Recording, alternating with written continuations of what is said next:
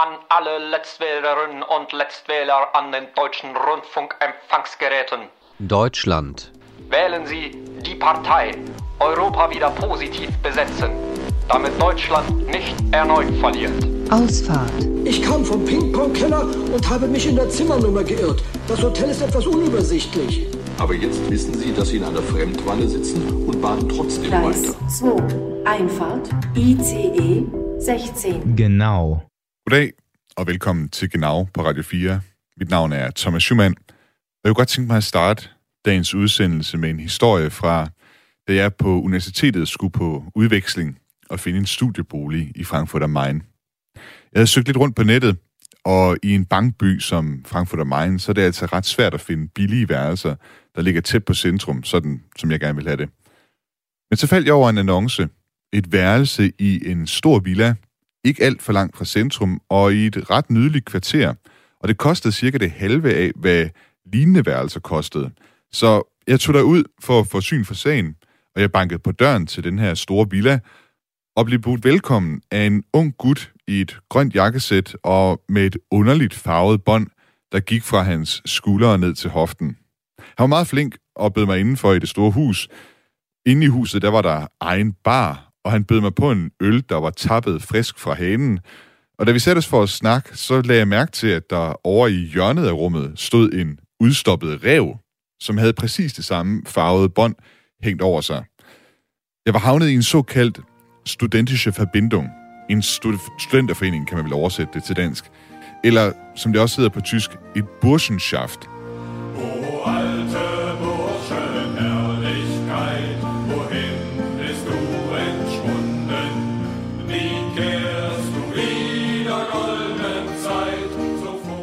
I over 200 år, der har der i Tyskland eksisteret de her såkaldte Burschenschaften, hvor studerende bor sammen og plejer deres helt egne traditioner. Og når jeg siger studerende, så er det altså typisk udelukkende mænd, for det er altså en af traditionerne, at kvinder ikke må bo i et Burschenschaft. Og så er der en anden tradition, som jeg synes er en af de mest eksotiske, jeg har stødt på i Tyskland. Hoch Mensur. Fertig. Los. I et Burschenschaft, der fægter man nemlig med svær. De tyske Burschenschaften, de er tæt vævet sammen med historien om tysk demokrati og ønsket om et forenet Tyskland. Og samtidig så er de også forbundet med historien om tysk antisemitisme og højere ekstremisme. I dag der dykker vi ned i historien om de tyske Burschenschaften, for for nylig der fik jeg muligheden for at besøge et Burschenschaft i Düsseldorf, hvor jeg havde fået kontakt til en af beboerne, Maximilian Schmitz.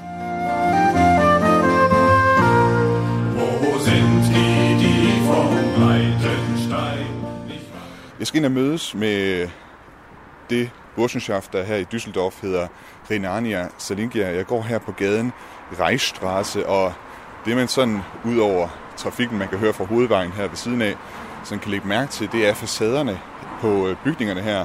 De fleste af dem er sådan moderne facader, lige med undtagelse af den, jeg står foran, som er en øh, barok facade med små, fede øh, englebabyer og, og, og sådan øh, øh, barokke søjler, øh, der ligesom er hugget ud i facaden. Og det er selvfølgelig herinde øh, bag den facade, at det her Burschenschaft ligger. Det kan man også se på det øh, skilt, i, øh, eller på den tavle i marmor, som er sat op på facaden, som simpelthen siger Burschenschaft Renania Salingia. Og det gør det selvfølgelig i den såkaldte frakturskrifttype. Og fraktur, hvis du bare tænker tysk skrifttype og bierstube, så tror jeg godt, du har sådan lidt en anelse om den her sådan lidt voldsomme skrifttype, øh, som man forbinder Tyskland med. Det er herinde, at jeg skal mødes med herr Schmidt, som øh, har lovet mig, eller fortalt mig, at han gerne vil vise mig rundt herinde i øh, det her Burschenschaft.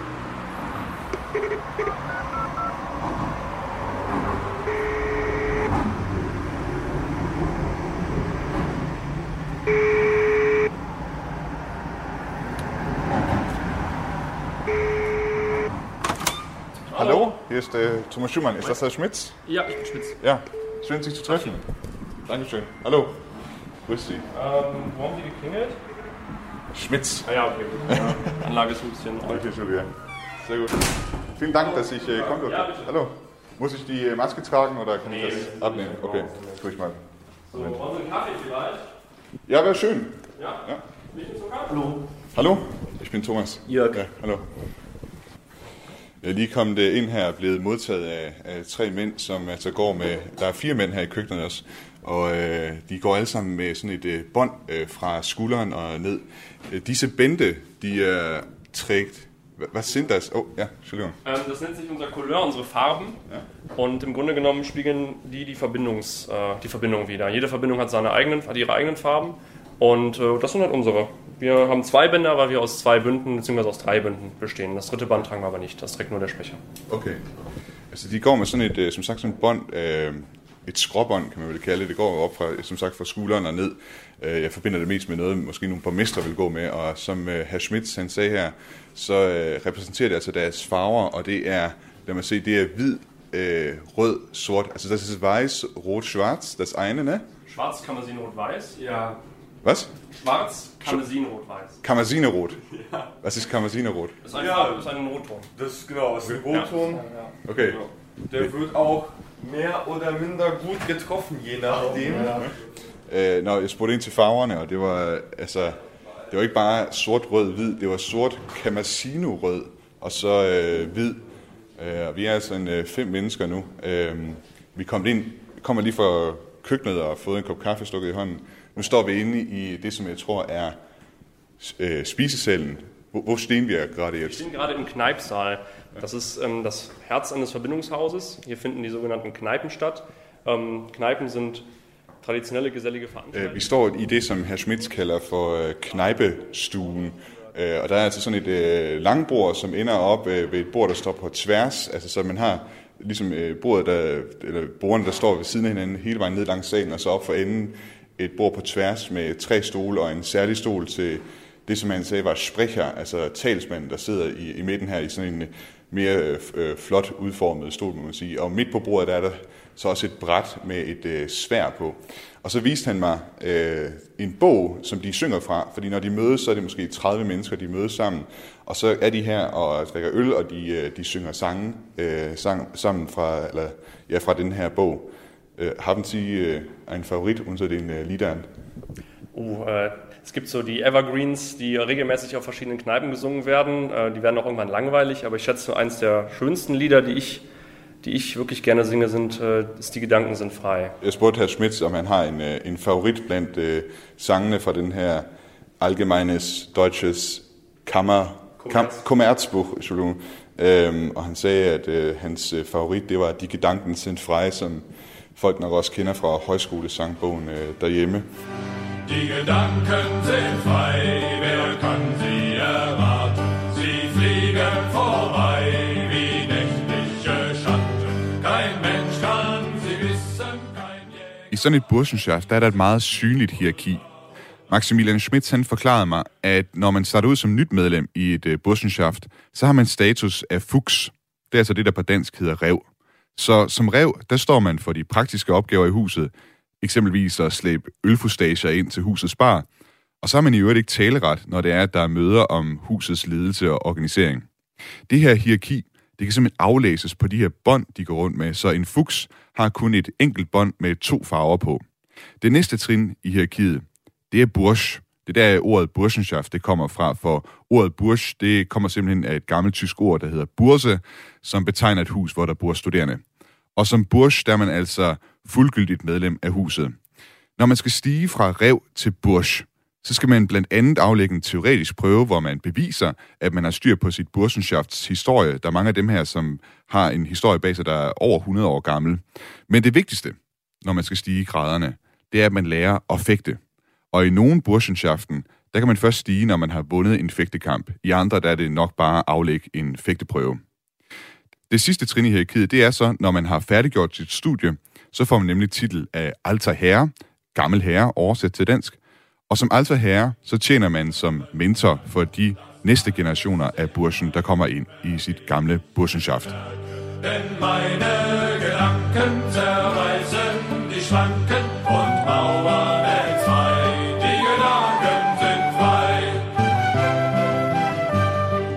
Das äh, erste war so, die Leute in Dänemark wundern würde. Und das ist das Schwert mal Ja. beschreiben. Was, was, was ist äh, der Hintergrund mit dem Schwert? Also, es- in den deutschen Studentenverbindungen gibt es verschiedene Kategorien. Es gibt die schlagenden Verbindungen und es gibt die nicht schlagenden. Ja, han fortæller her om, om sværet. Altså, det er en tradition, som hører til burschenschaften, at øh, man kan i dag enten være et, øh, et øh, burschenschaft, hvor man slår hinanden, som man siger, en slagende burschenschaft, eller man kan være et, hvor man ikke gør. Og det, her, det her burschenschaft, øh, Renania Salingia, det er et øh, fakultativt øh, slående burschenschaft, hvis man skal oversætte det sådan lidt groft. Altså det vil sige, at man kan selv vælge, om man vil deltage i det her. Altså det er sådan, at man lærer simpelthen øh, dem, der bor her, at fægte med hinanden med de her svær. Og så siger han også, at øh, når det er, at de har knejpestue, og folk de kommer og drikker øl, så grunden til, at det ligger her foran på bordet, foran den øh, fint udformede stol her foran, det er fordi, at øh, mødelederen så kan bruge sværet til ligesom at holde styr på tropperne, om man vil, slå i bordet, når det er, at der skal være øh, stillhed, silenzium, som herr Schmitz øh, sagde her. Können wir weiter so äh, im Gebäude rumlaufen, du sehen? Ja? Genau, jetzt geht es ein paar Treppen hoch. Ja? Ist, ist doch ein schönes Haus. Ja. Nu er vi kommet op i øh, et værelse, som er indrettet, jeg skulle lige til at sige det, til at starte med, det er indrettet som øh, styrkecenter herinde, for jeg, det første, jeg lagde mærke til, det var øh, vægtstangen, der er herovre, øh, hvor man kan lave bænkpres. Men så kigger jeg over på væggen, og så kan jeg se, at der hænger på øh, et, øh, et bræt, øh, altså svær og handsker og øh, ansigts, øh, altså masker til beskyttelse. Das äh, Zimmer hier, was ist das? Das nennt man den Paukboden. Das deutsche Wort äh, des intensiven Lernens wird ja auch meistens als Pauken bezeichnet. Das kommt hierher. Das kommt vom studentischen Fechten. Wir sehen hier ein Phantom. Das ist ein Han kalder stedet her for das øh, paukboden, altså pauken. Det må jeg indrømme, det kan jeg ikke helt lige oversætte nu her, men han siger, det har med at gøre med at, sådan at rigtig at studere igennem. Øh, det kommer fra den her tradition, og det, altså det kommer fra traditionen om, omkring det, som han kalder akademisches Fechten, altså akademisk øh, fægtning. Og det er her i øh, det her rum øh, herinde, at man, man træner det. Og så siger han i øvrigt, så er det også øh, blevet brugt øh, som træningscenter, som vi jo kan se her med, med et sted, hvor man kan lave øh, bænkpres, nu her, hvor der har været lukket under corona. Und, und wie funktioniert das äh, Fechten dann, wenn äh, zwei Burschen äh, gegeneinander fechten? Soll man das mal zeigen einfach? Das Ja. ist, glaube ich, am besten, ja. Jeg spurgte, om ikke han kunne fortælle mig, hvordan øh, det foregår, når at, øh, de fægter, og han øh, tilbyder altså bare at vise mig det. Herr Schmitz og Jeremy, de tager hver især en handske på den ene hånd, og øh, rundt om armen er der også sådan en, øh, man kan sige, en slags handske til hele armen i virkeligheden, som beskytter armen, går jeg ud fra. Den ser lidt stor og klodset ud, sådan i, øh, i skumgummi, går jeg ud fra. Og Jeremy han tager et øh, svær i hånden, mens at Schmitz han tager en, øh, en hjelm på. Og det er sådan en hjelm med et gitter foran, et metalgitter. Nu tager han øh, sværet i den anden hånd. Mobiltelefonerne, de skal lige lægges væk først. Hoch mit Mensur. Fertig. Los. 1.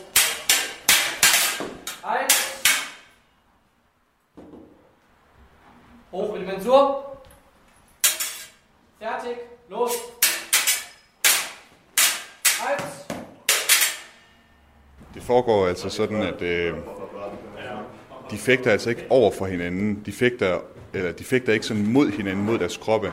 De øh, tager sværet op over deres hoved, og så fægter de simpelthen over hovedet på hinanden.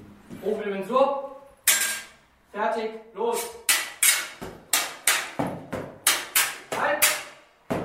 Jeg mener, om jeg fanger ikke helt, hvad det er sådan, hvad, hvad meningen er.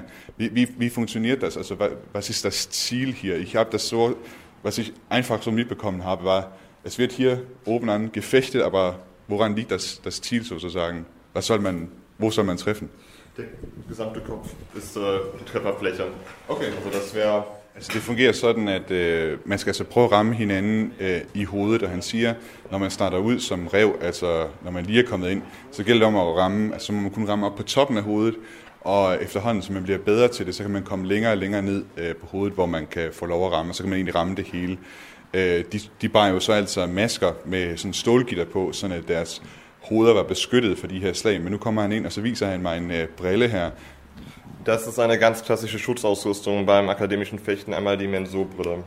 Dient einmal zum Schutz der Augen selbstverständlich, der Nase. Und unserem Komor ist noch ein Ohr. Han viser mig den her brille, som altså jeg beskytter øjnene og næsen, og så også øh, ørerne i det her tilfælde. Øh, så kan man ramme hinanden på kinderne, som så er ubeskyttet, og også op på, på panden. O alte Burschenherrlichkeit, wohin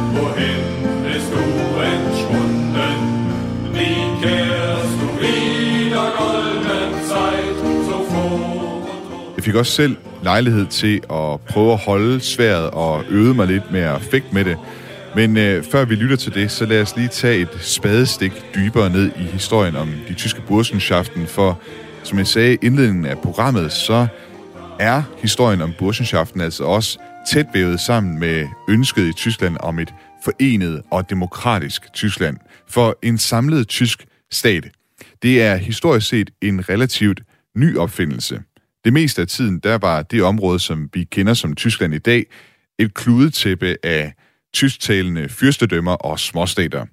Napoleons krigene, de skabte midlertid et ønske blandt mange tyskere om et forenet Tyskland, som kunne forsvare sig selv mod despoter som Napoleon. Så da Napoleon i 1815 blev besejret ved Waterloo, så var der en gruppe af de unge studerende i Tyskland, som også havde kæmpet i befrielseskrigene mod Napoleon, som grundlagde det såkaldte Urburschenschaft i Jena, altså det første Burschenschaft. Og deres motto, det var Ære, Freiheit, Vaterland, altså ære, frihed, fædreland. Og målet for dem var altså et liberalt og forenet Tyskland.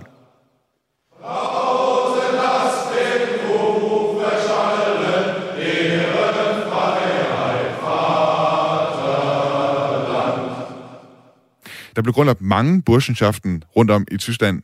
Nogle af dem de blev forbudt igen, fordi de simpelthen var for revolutionære for de øh, lokale fyrster, der hvor det var, at de øh, eksisterede.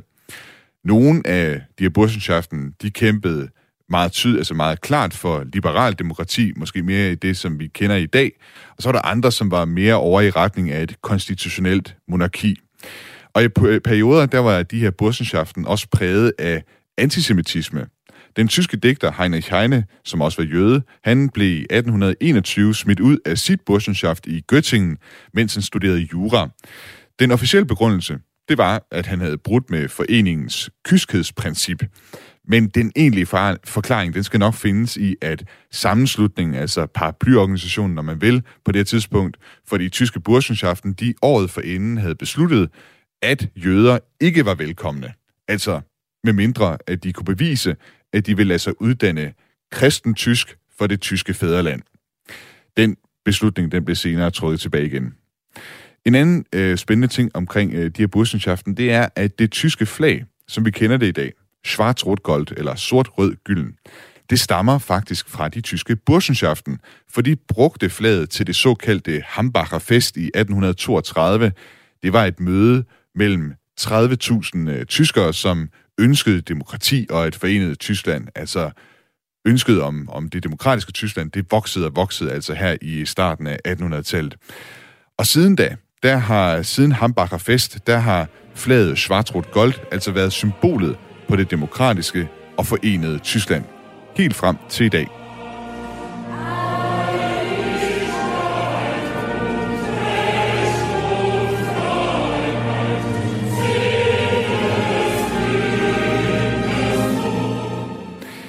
I 1848, der forsøgte de demokratiske kræfter i Tyskland under de sort-røde gyldne faner at lave revolution.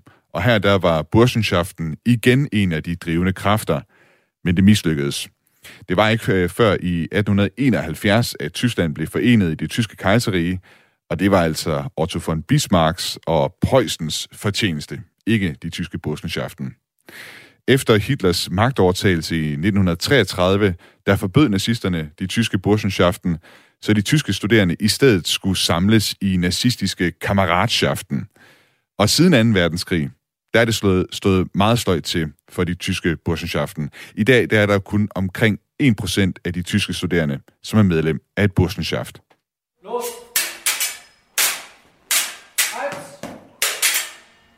Darf ich mal probieren, wie, wie, wie schwer das sich anfühlt. Ja, ja. könnte Splitter dran sein. Okay. Jeg får lov lige at prøve at holde sværet her. Og, altså selvom det er sådan et øh, tyndt øh, svær, som man måske kender fra Zoro, øh, kunne jeg forestille mig. Men altså det der sådan er forskellen her, det er, at den er ikke spids. Altså fordi man vil helst ikke øh, gå og stikke folk ned øh, med det. Det er et øh, stumt øh, svær. Det kan godt være, at den er lidt skarp på siderne, sådan øh, at man kan ramme hinanden på kind, kinderne, men altså ellers så er det sådan, det er ikke spidst, så man kan stikke hinanden. Altså det meningen det er sådan, at man skal, man skal egentlig så skal sværene mere sådan slå hinanden ved det her øh, fægtning. Øh, ja, der er altså lidt vægt i den. Så jeg kan godt forstå, at de sådan varmede op før med, med håndledet. Og så står man altså, darf ich probieren so über, übers Kopf? So, Gerne, aber also, Zeigefinger in die Schlaufe. Das kann man die Waffe nicht festhalten. Okay, man skal altså have pegefingeren ind i sådan et lille rem, der står herinde. Okay. Gerade davor stellen. Ja, was? Gerade davor stellen. Ja, also so? Gerade, genau. Ja. Die Waffe ans Brustbein. Okay. Vielleicht das Mikro mal wegnehmen. So? Ein bisschen weg, genau. Ah, so. okay. Und damit wird jetzt die, der Abstand gemessen, das ist ungefähr der Abstand, Aha. der dann eingehalten Okay. werden muss. Beine stabil, vielleicht ein bisschen breiterer Stand, dass man nicht umkippt. Ja, genau. Okay, I, I erklærer mig. Ja. Øh, altså man starter altså med at have sværet helt op ved solar plexus mere eller mindre. Øh, undskyld.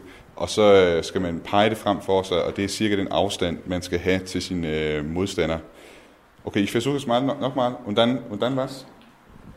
Wir fangen beim Beibringen des Fechtens immer mit den Grundlagen an. Ja. Die Grundlage wäre jetzt die defensive Haltung. Ja. Han viste mig den øh, defensive stilling, og lige nu der står jeg med øh, armen op over hovedet, altså min øh, albue op over mit øre, og øh, holder altså sværet sådan skråt ned foran for mig, og bruger tommelfingeren, så at sige, til beskyttelse her. Det er som sagt defensivt. Der er ikke nogen, der sådan lige kan slå ned på mig her, hvis jeg også har sådan den der beskyttelses øh, eller beskyttelsesting rundt omkring øh, armen.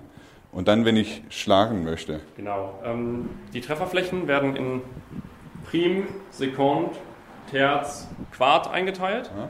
Also 1, 2, 3, 4. Ähm, und wir bringen den Neuzugängen, die ganz am Anfang stehen, in der Regel erstmal die Defensive. Okay, han prøvede at vise mig, hvordan man øh, skal slå. Altså, man holder det her sådan forholdsvis, eller i hvert fald lidt tungens øh, svær foran sig, og så skal man ligesom lade det falde ned oven på hovedet af sin modstander, hvor man stadig har tommelfingeren på grebet, men det er sådan, man skal sådan lidt lade sværet falde rundt om sin, sin pegefinger, der er inde i den her lille øh, holder inde, i, inde, i, inde omkring øh, grebet på sværet, og så falder den ned. Og det skal man så kunne gøre fra alle vinkler, så at sige. Og det var også det, øh, de gjorde før. Jeg må indrømme, jeg får godt nok sådan lidt ondt i skuldrene af at stå med, med, det, her, med det her svær sådan højt over hovedet. Der, der smus, man, man bliver... Øh, viel Kater in äh, den äh, Schultermuskeln haben, ne? Ja, wir haben schon ähm, Gewichtheber hier äh, als Interessenten gehabt, die sich das angucken wollten, die gesagt haben, ich heb hier. Han siger, de har altså nogle gange øh, bodybuildere, der er kommet herop og siger, ved du hvad, det svært er, det vejer der ingenting. Og så prøver de at stå med sværet, og så kan de nærmest, de kan nærmest ikke holde det heroppe, efter de har prøvet lidt at, at skulle stå og, og fægte lidt sådan der. Øh, disse Tradition des Fechtens, øh, wie, wie lange, øh, wie, wie alt ist die Tradition? Boah, die, also die ersten Mensuren, so wie wir sie heute Som sagt, Burschenschaft-traditionen, den stammer jo fra 1800-tallet, men det der med at fægte blandt øh, akademikere og blandt studerende, det er virkelig noget, som er flere hundrede år på banen. Det var sådan, at øh, i gamle dage, der var studerende nogle af de eneste, som måtte gå med våben i, øh, i Tyskland. Og det gav meget mening, for hvis de skulle øh, rejse igennem landet, så kunne det jo tit være sådan, at de blev overfaldt af banditter eller sådan noget på vejen. Og så er det godt, de bare, sig, øh, bare et svær med sig. Problemet var så, øh, eller man kan sige, det, det der så skete, øh, da sådan traditionen om universiteter og sådan noget voksede sig større, så begyndte man også at have studerende, som øh, hyggede sig med, med øl og sådan noget øh, en gang imellem. Og der kunne det godt blive lidt et problem, hvis det var, at de så også havde svær, øh, hvis de kom op og, og skændes eller noget i den stil. Og derfor så blev øh, det her med at fægte, det blev til en øh, tradition. Altså det blev det var noget, universiteterne de satte, øh, de satte i rammer og gjorde til en øh, slags sport eller til en aktivitet, sådan at det ikke bare var noget, som øh, folk de... Øh, altså sådan, at der kom nogle traditioner op omkring det, sådan at det ikke bare var noget, som man gjorde, hvis man var blevet uenig i, øh, nede på knejpen. Übrigens, äh, darf ich das sagen, ich habe bemerkt, ihr habt alle dieselben Schuhe auf. Er hat's bemerkt. Was liegt daran? Wir wissen selber nicht so genau, wann das. Äh, Øh, Jeg bemærkede, at de alle sammen har sådan sorte, eller sådan brune øh, lædersko på, øh, og spurgte dem så alle sammen, hvorfor, altså det er fuldstændig de samme sko, de alle sammen har. Øh, og jeg spurgte dem så, hvor kommer det fra? Det vidste han ikke engang selv. Det er, det er en tradition, som er opstået for nogle, noget tid siden, at de alle sammen går i sådan nogle Timmerland, Timberland. Timberland øh, sko. Øh, det er for nogle år siden, at alle, at alle, der bor herinde, de er begyndt at gå i dem. O alte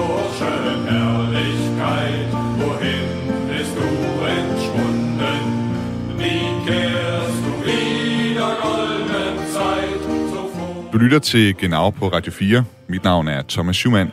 Og i dagens udsendelse, der er vi kommet med indenfor i et af Tysklands traditionsrige Burschenschaften, altså et studenterfællesskab, øh, som der findes mange af rundt om i Tyskland, og som har en over 200 år lang tradition, hvor mandlige studerende altså lever efter strenge hierarkier og gamle traditioner, og hvor der fægtes med svær og drikkes store mængder øl. Burschenschaften, de øh, var, som vi hørte i første halvdel af programmet, altså en af de bærende kræfter i 1800-tallets kamp for demokrati og et samlet Tyskland. Men i de seneste år, der har det mest været negative overskrifter, der er blevet skrevet om de tyske Burschenschaften. I 2011, der kunne øh, nyhedsmagasinet Spiegel berette, at paraplyorganisationen for de tyske Burschenschaften havde besluttet, at man skal være en del af det tyske folk, i anførselstegn, for at kunne blive medlem af et Burschenschaft. Og med det så mente man altså, at, med, at, at medlemmernes, altså Burschenschaft-medlemmernes familierødder, de skulle stamme fra det 20. århundredes tyske områder i Midt-, Syd- og Østeuropa. Og det har altså været noget større end øh, det Tyskland, vi kender til i dag. Denne her etniske afgrænsning af, hvem det er, der kan være bursch, det er skabt en del ballade, og mange burschenschaften, de valgte altså helt at melde sig ud af paraplyorganisationen for at tage afstand fra den højredrejning, som de mente, der fandt sted. Desuden så har der været talrige artikler i tyske medier om Burschenschaften, som plejer mere eller mindre overlagt kontakt med bevægelser på den ekstreme højrefløj, og endda også med nynazister. Og det har altså gjort, at de traditionelle studenterforeninger, de bliver set på i, øh, af mange tyskere med stor mistænksomhed. Og det er også noget af det, som Maximilian Schmitz, han mærker i Burschenschaftet Renania Salingia i Düsseldorf. Ich habe diesen Video bemerkt. Nein, ihr könnt uns nicht begreifen. Äh, was, was ist der Sinn hinter diesem Video? Der Titel Nein, ihr könnt uns nicht begreifen ist ähm, ein Auszug aus einem Studentenlied. Äh, die erste Strophe geht: Nein, ihr könnt uns nicht begreifen, denen nie ein Burschen band, wie ein immergrüner Reifen um die junge Brust sich wand. Das zieht, zieht darauf ab, dass also der titel jetzt nur, bekommen wir gleich zum video selbst. Jeg havde lagt mærke til, før jeg kom herind, en øh, video, der lå på deres øh, hjemmeside med titlen Nein, ihr könnt uns nicht begreifen, som på dansk betyder nej, I kan ikke øh, begribe os. Og jeg spurgte herr Schmitz, hvad der ligger i den video. Han siger, altså i Tyskland er der kun cirka 1% af de studerende, som altså hører til sådan et Burschenschaft, Gemeinschaft her. Og øh, de kan godt forstå, dem der bor her, at tyske, altså de, de andre studerende ikke kan forstå, hvorfor det er, de gør det. Hvorfor det er, at man vælger at lade sig indrulle i sådan et øh, studenterfællesskab, hvor man starter som rev for eksempel, og skal, øh, skal slide, øh, før det er, at man kan stige graderne herinde. Øh, og de fleste andre studerende i Tyskland, de vil gerne bare ind i sådan et inklusivt fællesskab, hvor man kan være med fra starten. Men her, der mener herr Schmitz og dem, der bor herinde, altså at det kræver noget for at være en del af sådan et fællesskab. Det kræver, at man altså, øh, at man øh, offer sig, at man, man starter fra bunden. Vi, vi, vi würden Sie sagen, dass es ist, hier in Deutschland äh, Bursch zu sein? Also im Bezug auf die Gesellschaft allgemein.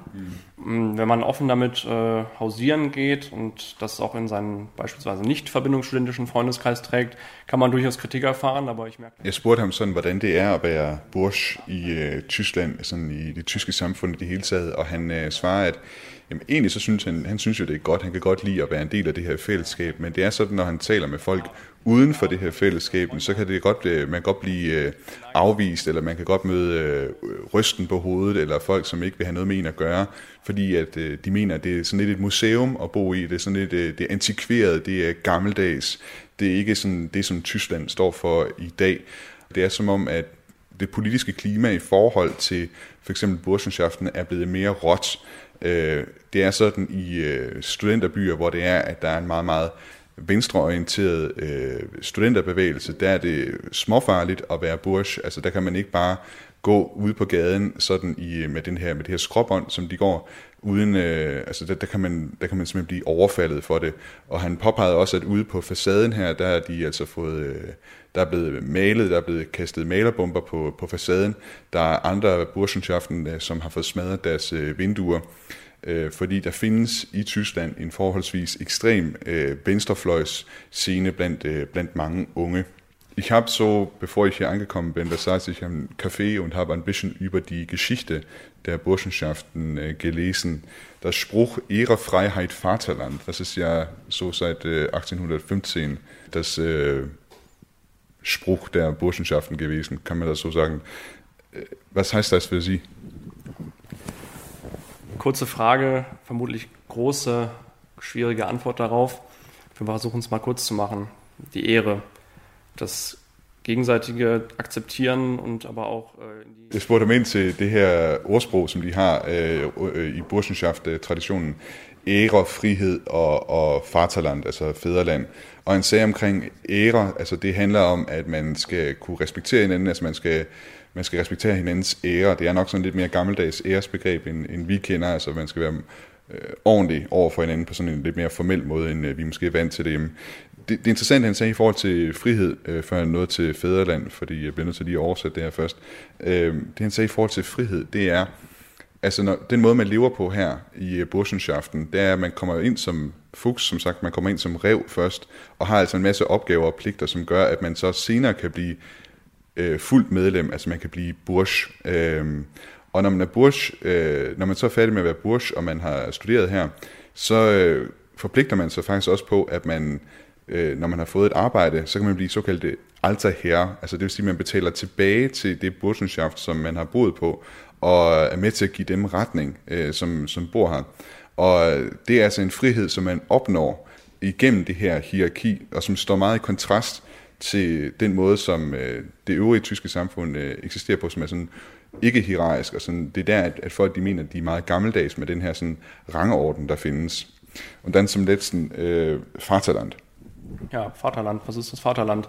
Meine Heimat oder die Heimat der einzelnen Personen, die Kultur, die damit verbunden ist, die Traditionen, die damit verbunden sind, die Sprache, die damit verbunden ist und äh, das, was wir als schützenswert und äh, wichtig empfinden. Das ist grob ausgedrückt das, was unsere, unser Wahlspruch Ehre, Freiheit, Vaterland bedeutet. Under fædrelandet så forstår han altså selvfølgelig hjemlandet, sproget, kulturen, alt det, som de øh, prøver at, at sådan bevare og, og holde højt. Nun äh, außer den Schuhen, dass äh, für alle euch äh, hier gleich sind, gibt es auch eine andere Gleichheit. Äh, wir sind ja alle hier äh, Männer, da wohnen keine Frauen hier. Hm, theoretisch können ja auch Frauen einziehen, aber Mitglied der Verbindung können sie nicht werden. Okay. Das ist, ähm, wir sind halt ein, ein Männerbund. Es gibt auch gemischt und äh, Frauenbünde. Aber vi sind seit 1845 en mænderbund og wollen es auch bleiben. Okay. Øh, det er sådan, at kvinder kan faktisk godt bo her. De kan bare ikke blive medlemmer, de kan ikke blive burschen, øh, fordi de er et øh, mandeforbund, øh, eller mandeforening, som man siger. Det er også det, de gerne vil blive. Was ist, äh, was ist so das, das, ähm, das Wert daran, äh, Männerbund zu bleiben? Oh, das ist auf vielen Ebenen äh, ein wichtiger Punkt. Beispielsweise, also, wie ich sagte ja gerade eben, es können Frauen hier einziehen, aber wir haben halt beispielsweise auf diesem Haus keine getrennten Badezimmer, das wäre schon mal ein Punkt. Jeg spurgte ham ind til, hvad værdien er i at have sådan et, øh, en, en mandeforening her, altså, eller et sted, hvor det kun er mænd, der ligesom er burschen her. Og han siger, at en af tingene, sådan praktisk ting, det er i forhold til toiletterne, det er alt sammen, øh, og badefaciliteten, det er alt sammen øh, fælles. Det vil være et problem, hvis der er kvinder her.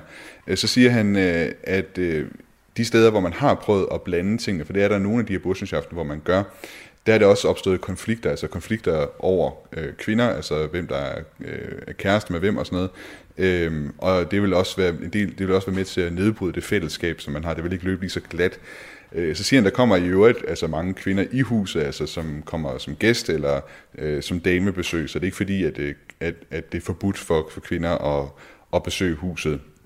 Ich möchte mich sehr bedanken für die Gelegenheit. Äh, das war sehr nett von euch. Ich habe an elf Burschenschaften geschrieben. Äh, ihr wart äh, die einzigste, die mir geantwortet habt. In NRW oder wo waren Sie überall? In NRW, ja. Ui. Ja, kann ich verstehen. Ähm, wir sind da auch mal sehr, sehr vorsichtig. Ich kann verstehen, dass andere Burschenschaften gerade... Jeg vil lige ved at sige uh, tak her for interviewet, og så gør jeg øvrigt opmærksom på, at jeg har skrevet ud til 11 andre Burschenschaften her i øh, uh, Nordrhein-Westfalen, uh, øh, og det var, det var altså kun her, man havde svaret mig, og det siger uh, Schmidt, så at det undrer ham ikke, altså de har det med at blive uh, repræsenteret rigtig dårligt i, i medierne, at der måske kommer journalister ud, som virker meget venlige og sådan noget, men så er det alligevel sådan, uh, sådan en klovneagtig uh, fremstilling, de viser af de her Burschenschaften. Herr Schmitz, äh, vielen Dank, dass Sie hier zu Besuch kommen durfte. Gerne. Wenn ich noch hinzufügen darf, wir sind nächstes Jahr der Vorsitz unseres Dachverbandes. Und ähm, deswegen haben wir Ihnen ja auch zugestimmt, dieses Interview. Jeg siger, at en af grundene til, at han også sagde ja her til, at jeg kom, det var, at det, næste år så er det det her Burschenschaft, som kommer til at være formand for den uh, forening, der er for Burschenschaften, og de vil egentlig gerne have flere ind.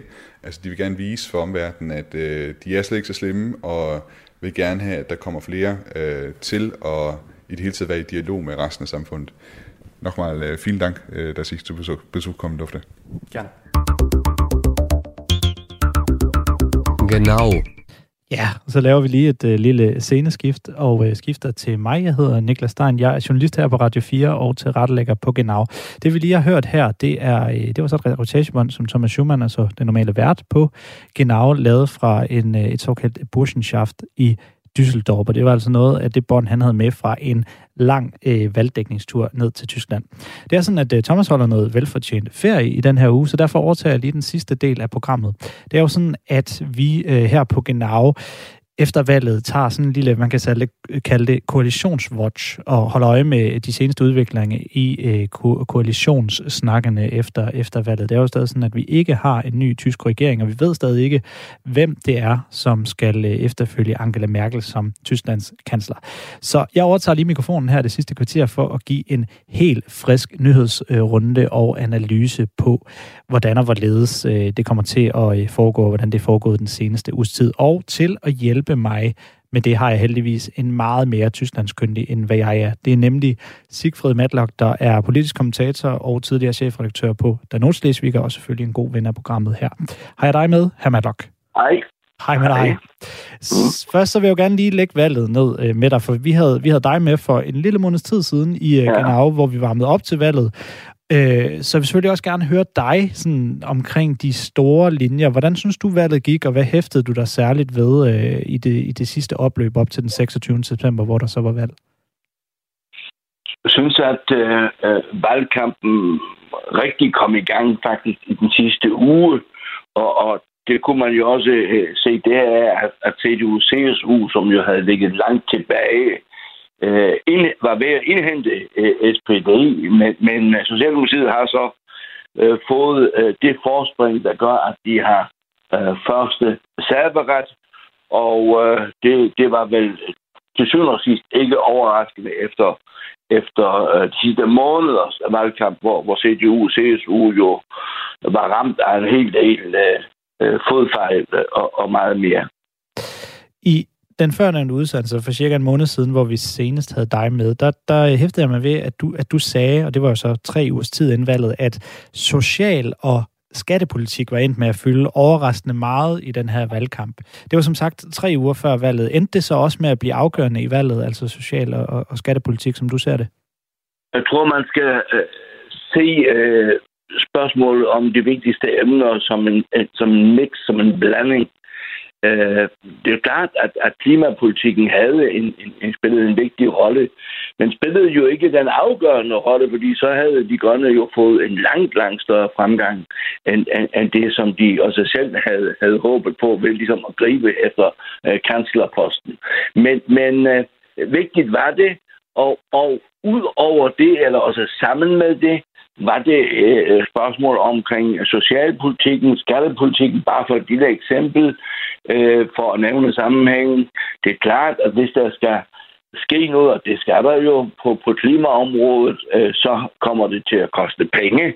Og øh, der var jo spørgsmålet, som, som jo skilte øh, især SPD øh, og, og CDU spørgsmålet om også FDP, om, om man skulle lave, øh, finansiere disse øh, øh klimatiltag med, med skatteforhøjelser eller uden skatteforhøjelser. Og vi lægger nu mærke til, eller ved jo, at FDP, øh, de liberale i hvert fald, skal ind i regeringen, og de har som en helt klar rød linje, at der ikke må ske skatteforholdelser. Det vil sige, at, at det spillerum, som, som regeringen har for ligesom at, at, at skabe yderligere øh, øh indsats øh, inden for klimaområdet, den er noget begrænset, medmindre man kan finde, han næsten sagt, skjulte pengekasser.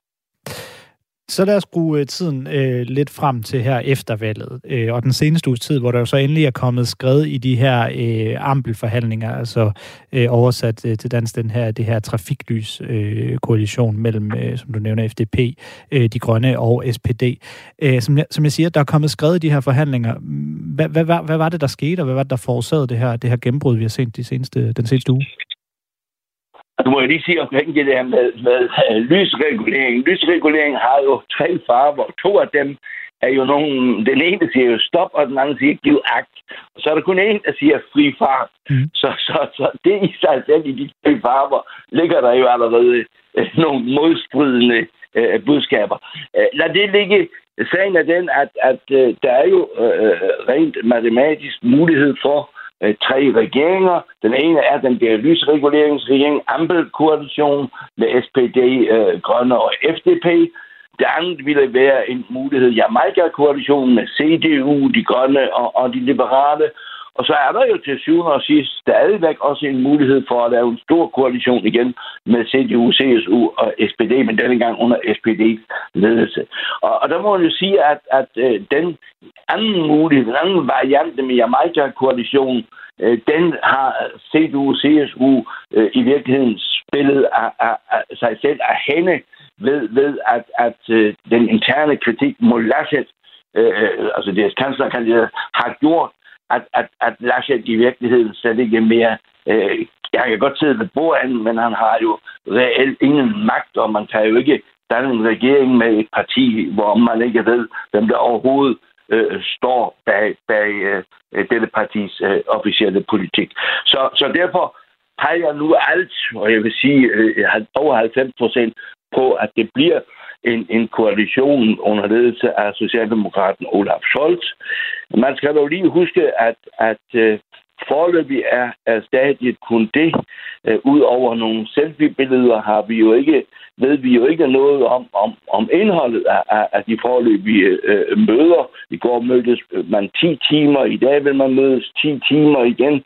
Øh, det, som, som øh, øh, forløbigste afgørelse er jo, om, om det, man nu kalder sonderinger, skal øh, videreføres som reelle øh, øh koalitionsforhandlinger. Det tror jeg, man vil afgøre her i, i weekenden. Og jeg, jeg tror faktisk, at, at, at det bliver resultatet her i weekenden, at de tre partier siger, jamen okay, vi indleder nu konkrete øh, forhandlinger for at se, om vi, om vi kan danne en regering. Men der er stadigvæk stor, stor øh, afstand mellem parterne. Det er der ingen tvivl om. Det, som jeg synes er det mest bemærkelsesværdige ved denne ved disse regeringskonsultationer, der så kaldt det, øh, det er, at, at øh, de to øh, mindre partier i regeringen, nemlig de grønne og de liberale, som jo, jo til sammen har flere stemmer end SPD og også flere stemmer end CDU-CSU, de faktisk vil, vil, vil have sagt, at vi vil ikke kun mødes med Olaf Scholz eller med Laschet for den sags skyld. Vi vil selv tage initiativ til at være en kerne, en centrum, en nyt kraftcentrum i, den, øh, i denne regering for at sikre fremskridt, og, og, og så kan han næsten sagt SPD øh, spise øh, det, som vi øh, øh overlader dem som, som rest. Sådan vil det nok ikke gå, men det er klart, at Socialdemokratiets position over for de to, hvis de kan finde ud af en, en konsensuel øh, linje, så bliver øh, også Socialdemokratiets position selvfølgelig meget, meget vanskelig øh, øh for en Olaf Scholz, som jo samtidig også skal til gode se den venstre fløj øh, i hans parti, som han jo ikke er tilhænger af, og som jo allerede bank, banker på magtens dør. Ja, som du nævner blandt andet, øh, nu nævnte du den her, den her selfie, som jo, øh, Sigfrid Matlack, som ja. jo fik enorm stor opmærksomhed ja, ja. I, i Tyskland i, i sidste uge med øh, blandt andet de grønnes øh, Annalena Baerbock og, og selvfølgelig FDP, altså de liberales øh, Christian ja. Lindner. Jeg tror endda også, de grønnes Robert Harbeck var med på den her, øh, den her selfie, ja, som, øh, som, ja, ja. som, som øh, gik, gik vidt omkring, fordi nu havde de altså startet de her, de her snakker. Der var jo meget snak om den her flirten øh, mellem de to partier ja. i op til, at nu skulle vi altså øh, snakke sammen. Øh, Sigfrid Matlack, er, er vi kommet tættere på en ny regering meget hurtigere end forventet øh, på nuværende tidspunkt? Meget hurtigere vil jeg ikke øh, sige, men, men det er jo klart øh, den kendskærning, at, at CDU-CSU sådan set ikke er med i spillet om magten her og nu i hvert fald.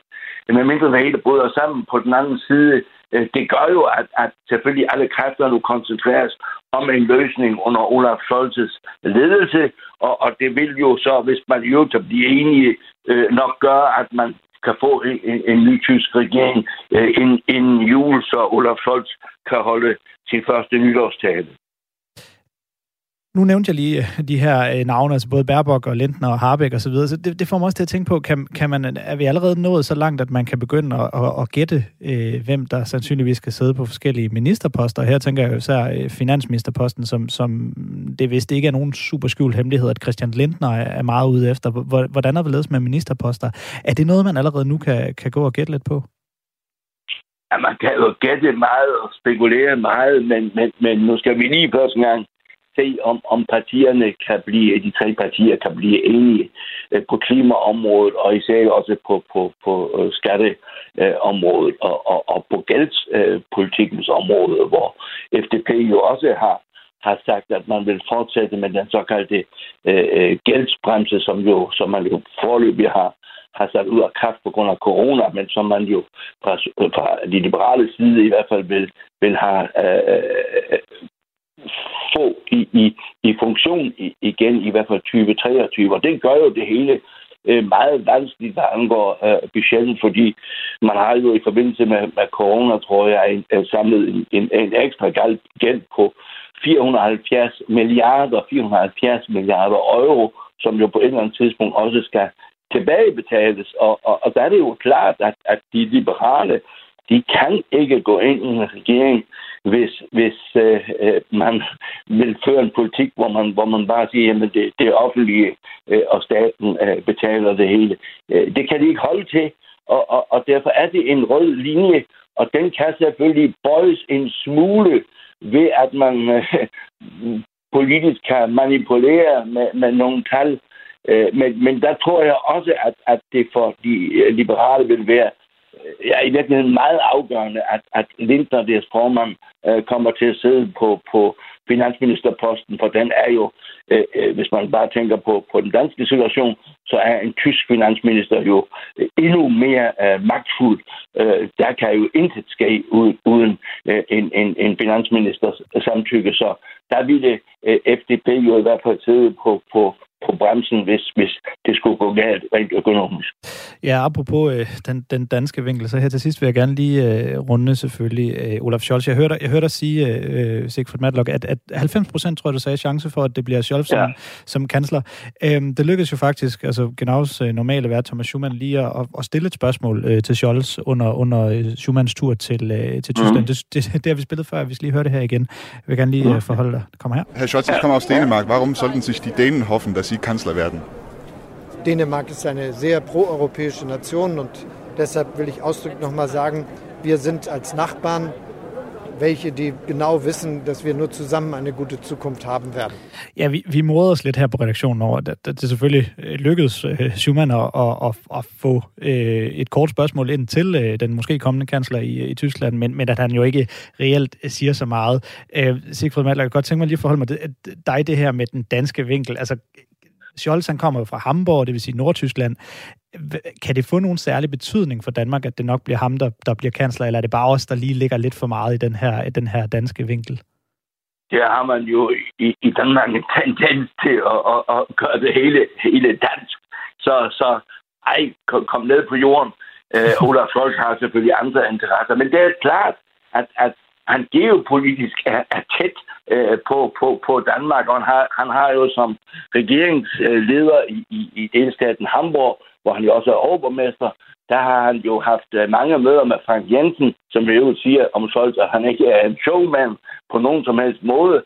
Og det, der har han jo især også forhandlet eller, eller mødt øh, øh Frank Jensen øh, om, omkring Femern-forbindelsen, som han jo er øh, ud fra hamburgske synspunkter en meget stærk tilhænger af. Men, men lad mig bruge en, en sammenligning. En anden en, der kom fra Hamburg, var jo Helmut Schmidt. Og, og Olaf Scholz vil jo gerne ikke kun sammenligne sig med Angela Merkel, men, men også med, med Helmut Schmidt, med hans 18 Helmut Schmidt.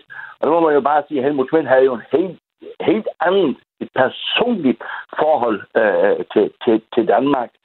Uh, han, var, han var også folkelig i Danmark, populær. Det kan jeg slet ikke forestille mig, at Olaf Scholz kan blive. Mm. Helmut, Schultz, uh, Helmut Schmidt sejlede jo rundt uh, med sin skånder sammen med Anker Jørgensen gennem de danske farvarne, var i sydfynske uh, hav. Han var på Bornholm med ham. Altså, Helmut Schmidt var, var en, der virkelig havde en antenne uh, for Danmark.